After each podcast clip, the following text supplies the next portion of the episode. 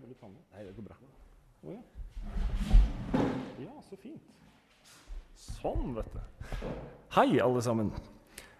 Vi skal rett og slett over på dagens tale. Og da trenger jeg noen bilder. Kjetil. Skal jeg prøve å trykke det i gang sjøl? Som noen av dere kanskje har sett på Facebook, så er dagens tema kjærlighet. Så tenkte jeg nå skal jeg ta fram et sånn skikkelig sånn glorete, fælt kjærlighetsbilde. For det er dette her verden ser på som ekte kjærlighet. Det er eh, røde farger, gjerne glitterbokstaver, roser og litt sånn valentinspreg. Det er kjærlighet. Så er det sånn da at Nå har jeg fått gleden av å jobbe litt med dagens tema. Og det vi skal snakke om i dag, det er noe som er større enn dette her. Nemlig Guds kjærlighet. Så la oss tenke verdens kjærlighet er én dimensjon, men vi skal opp et hakk. Vi skal snakke om den ekte kjærligheten i dag. Den kjærligheten som bare Gud kan gi. Guds kjærlighet. Dette bildet her fant jeg når jeg forberedte meg litt til denne talen. Jeg fikk et spørsmål i stad er dette ekte. Ja, dette er ekte. Dette er et sted i Japan. Lake Toyoni. Jeg personlig liker dette bildet veldig godt. Og Det handler om at vi ser jo kanskje formen. Det er en innsjø. Det er et vann. Og det er masse trær, og det er en skau. Men det er ganske fint å se at vi, det åpenbarer seg et hjerte midt i det Gud har skapt i naturen. Og Det er kanskje dagens første hint fra meg. Guds kjærlighet er ikke verre enn å gå ut og se seg rundt om dagen. Se på fargene, se på høsten, se på været. Jeg syns i hvert fall for min del at Gud åpenbarer seg bare med det vi ser. Skaperverket. Så et sånn lite, lite stikk av Guds kjærlighet kan være rett og slett se på naturen. Se på alt det flotte som Gud har skapt og gitt oss til vår disposisjon. Denne søndagen det er rett og slett en av flere søndager som står i perioden vi er i nå, treenighetstiden. Vi er jo nå ikke akkurat inne i en høytid. altså Vi er ikke jul og påske og disse tinga. Men vi er nå i en lengre periode hvor vi kan snakke om Gud, mennesker og forholdet mellom oss og Gud. Det jeg syns er spennende, det er å se på de tre tekstene som er satt opp til i dag. Og se hvordan kan disse tre tekstene sammen belyse ett og samme tema. Vi har som vanlig en evangelietekst. Vi har én fra Gammeltestamentet og én fra Nytestamentet. Så jeg tenker I starten her nå så tar vi rett og slett og leser gjennom de, og så ser vi om vi klarer å finne ut av noe fornuftig om temaet Guds kjærlighet ut ifra det som står skrevet i teksten.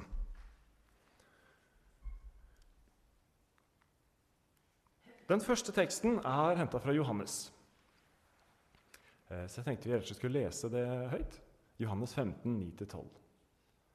Som Far har elsket meg, har jeg elsket dere. Bli i min kjærlighet. Hvis dere holder mine bud, blir dere i min kjærlighet, slik jeg har holdt min fars bud og blitt i hans kjærlighet. Dette har jeg sagt til dere for at min glede skal være i dere, og deres glede kan bli fullkommen. Og dette er mitt bud. Dere skal elske hverandre som jeg har elsket dere. Hva skal man tenke her? Her leser vi helt sikkert ulike ting. Men noe som har gripet meg litt, det er dette Hvis dere holder mine bud, blir dere i min kjærlighet. Jeg har tenkt litt sånn medmenneskelig på det. Hvis vi lever livet vårt langt unna Gud, altså at vi ikke følger det på en måte han har bedt oss om å gjøre, da tenker jeg da er det vanskelig å stå i en tett, nær relasjon. Jeg kjenner i hvert fall det. Hvis livet mitt, hvis jeg føler at nå har jeg vandra langt vekk fra Guds vilje, da er det vanskelig å kjenne på at ja, nå har vi det godt sammen. Nå er jeg tett med Gud. Så jeg syns dette er en fin oppfordring. Hold buda mine. Så prøv å leve etter beste evne, etter sånn jeg har fortalt dere. da er det lettere å stå i en nær og god relasjon til Gud. Da er det også lettere å oppdage hans kjærlighet. Jo mer vi leser i Bibelen, jo tettere vi er på, på Gud med livet våre, jo lettere er det å få del i alt det han har gjort for oss. Jeg tror i hvert fall det. At jo tettere vi lever på Gud med livet våre, jo lettere er det å se hva han egentlig har gjort for oss. Både i naturen, det daglige, og ikke minst det denne mannen gjorde for oss på korset.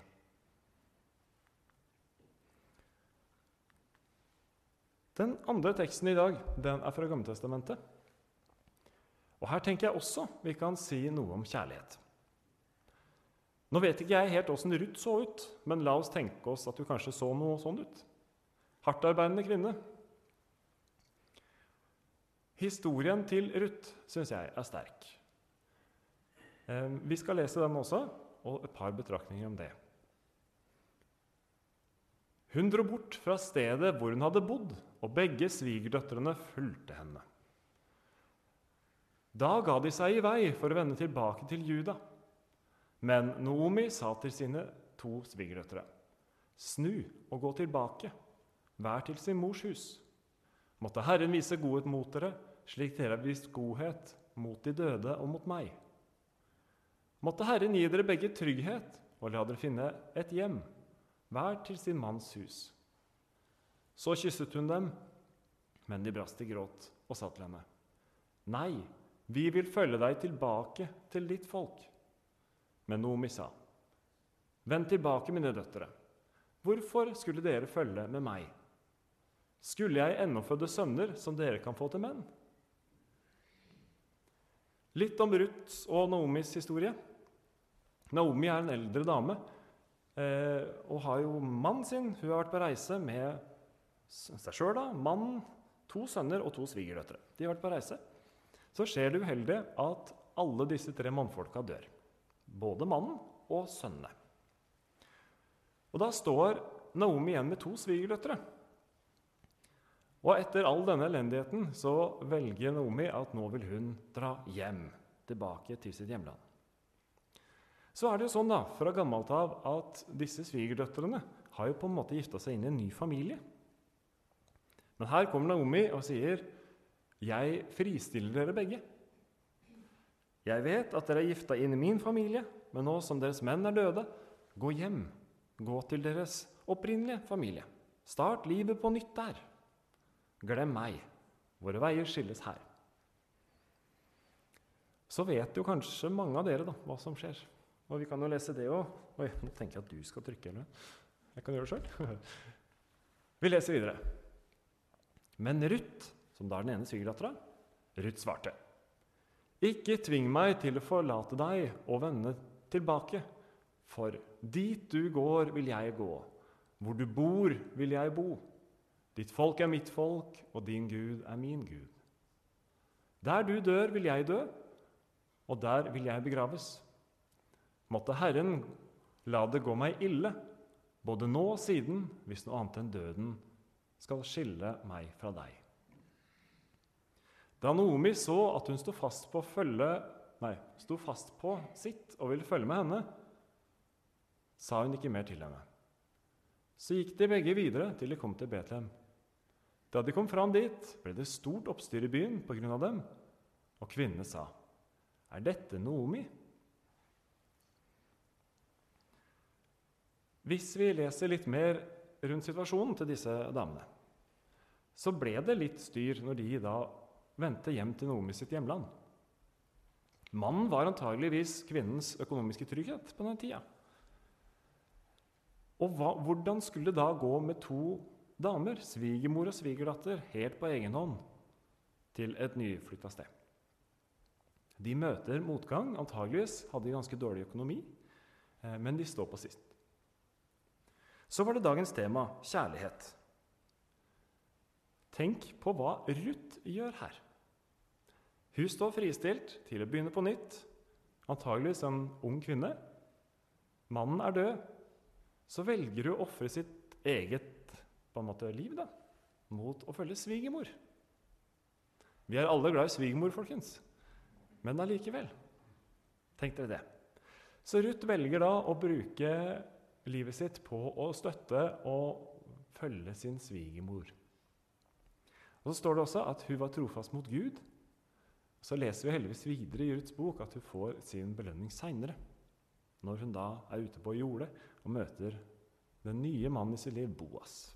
Det kan dere lese sjøl. Men det går altså godt forut. Men her tenker jeg denne historien kan vise oss noe om kjærlighet i handling. Det tenker jeg stort. Kjærlighet i handling. Mm -hmm. Siste teksten for i dag. Det er en slager. Den har vi hørt mange ganger. Det som overrasker meg litt, er når jeg setter meg litt mer inn i det Hvor har jeg hørt denne teksten? Hvor blir den lest? Veldig ofte i et bryllup, har jeg funnet ut. Og jeg har hørt mye rart Eller dette er litt flåsete sagt. Men jeg har hørt mange ulike taler fra prekestolen i et bryllup eller under en vigsel. Man snakker om at ja, dere er jo litt forskjellige som brudepar. og jo, Dere har jo hatt en brokete vei. Men størst av alt dere er kjærligheten. Så dette går fint. Jeg har i hvert fall hørt noe lignende av det der. Kjærligheten er stor, tåler alt, håper alt. Vær gode mot hverandre, vær kjærlige, så går dette fint. Jeg tenker at det kanskje er tatt litt ut av sin kontekst, egentlig. Hvor er dette skrevet? Det står i et brev som Paulus har skrevet til menigheten i Korint. Hvor de rett og slett vil ha råd fra Paulus i forhold til nådegaver og hvordan man skal bruke de. Så eh, Det er veldig spennende å lese hele det kapitlet der. Men det Paulus fokuserer på Han snakker ikke om kjærlighet mellom mann og kvinne, som den sterke store, men det er Guds kjærlighet det er snakk om her. Så det syns jeg er litt sånn greit å få på plass. At Når vi snakker om at kjærligheten tåler alt, og den største av dem er kjærligheten, da gir det litt mer mening for min del når jeg vet at det er Guds kjærlighet vi snakker om. Vi kan jo lese de versene også. Kjærligheten utholder alt, tror alt, håper alt, tåler alt. Kjærligheten tar aldri slutt. Profetgavene skal bli borte, tungene skal tie, og kunnskapen får gå. Altså Her snakker vi om disse nådegavene. da. Og Paulus sier ganske tydelig at de nådegavene dere har fått nå, de varer ei stund. Men de kan ikke sammenlignes med den store kjærligheten som Gud har. For vi forstår stykkevis og taler profetisk stykkevis. Men når det fullkomne kommer, skal det som er stykkevis, ta slutt. Da jeg var barn, talte jeg som et barn, tenkte jeg som et barn, forsto jeg som et barn. Men da jeg ble voksen, la jeg av meg det barnlige. Nå ser vi et speil i en gåte. Da skal vi se ansikt til ansikt. Nå forstår jeg stykkevis. Da skal jeg erkjenne fullt ut, slik Gud kjenner meg fullt ut. Så blir det stående tro, håp og kjærlighet, men størst blant dem er kjærligheten. Her har jeg lyst til å ta med meg Det står jo ganske mye om at vi, vi skjønner noe, men vi skjønner ikke alt. Da tenker jeg, når jeg tenker på Gud og hans kjærlighet Ja, jeg skjønner han er god, men jeg skjønner virkelig ikke alt. Det tar jeg med meg her. At Guds kjærlighet til oss er så mye større enn det vi klarer å skjønne sjøl. Det syns jeg er litt viktig.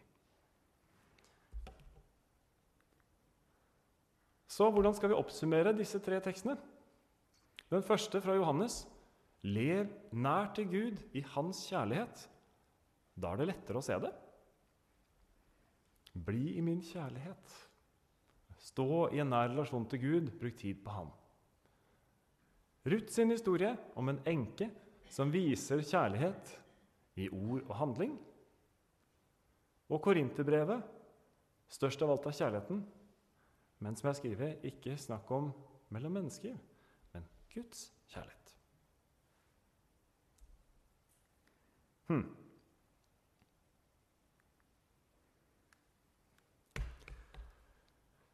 Jeg har tenkt litt på hvordan skal vi f.eks. til barna våre, og for noen litt mindre, formidle Guds kjærlighet? Klarer vi å si noe konkret? Ja, vi kan jo si at Gud er god, og vi kan synge om det. Men det er jo allikevel ikke så lett å skjønne. Jeg har tatt med tre bilder for å prøve å konkretisere det litt. Men er samtidig veldig ydmyk på at jeg skjønner jo ikke hvor god Gud egentlig er. Men la oss se det første bildet der, da. Tenk når Gud ville skape mennesket. Hvor fantastisk mennesket egentlig er. Hvordan vi fungerer med nervesystem, blodomløp og hele skapelsen. Det er jo fantastisk hvordan Gud har skapt mennesket. Og Så tenker jeg hvilken verden han har skapt oss inn i også. Vi ble jo skapt med fri vilje. Og det er jo grunnen til at ikke alt er perfekt i dag. Det er det vi menneskene sjøl som har ødelagt. Men det Gud har skapt, det Gud har bidratt med i skapelsen, er jo helt fantastisk. Både dyr og frukter. Vi kan gå ut. Vi kan drikke vann fra en bekk. Vi kan spise eple fra et tre. Det er jo helt fantastisk. Så jeg tenker jo Gud åpenbarer sin kjærlighet, i hvert fall for meg, i skaperverket. Nummer to der, et sånt idyllisk sydenbilde av en far og en sønn. eller noe sånt.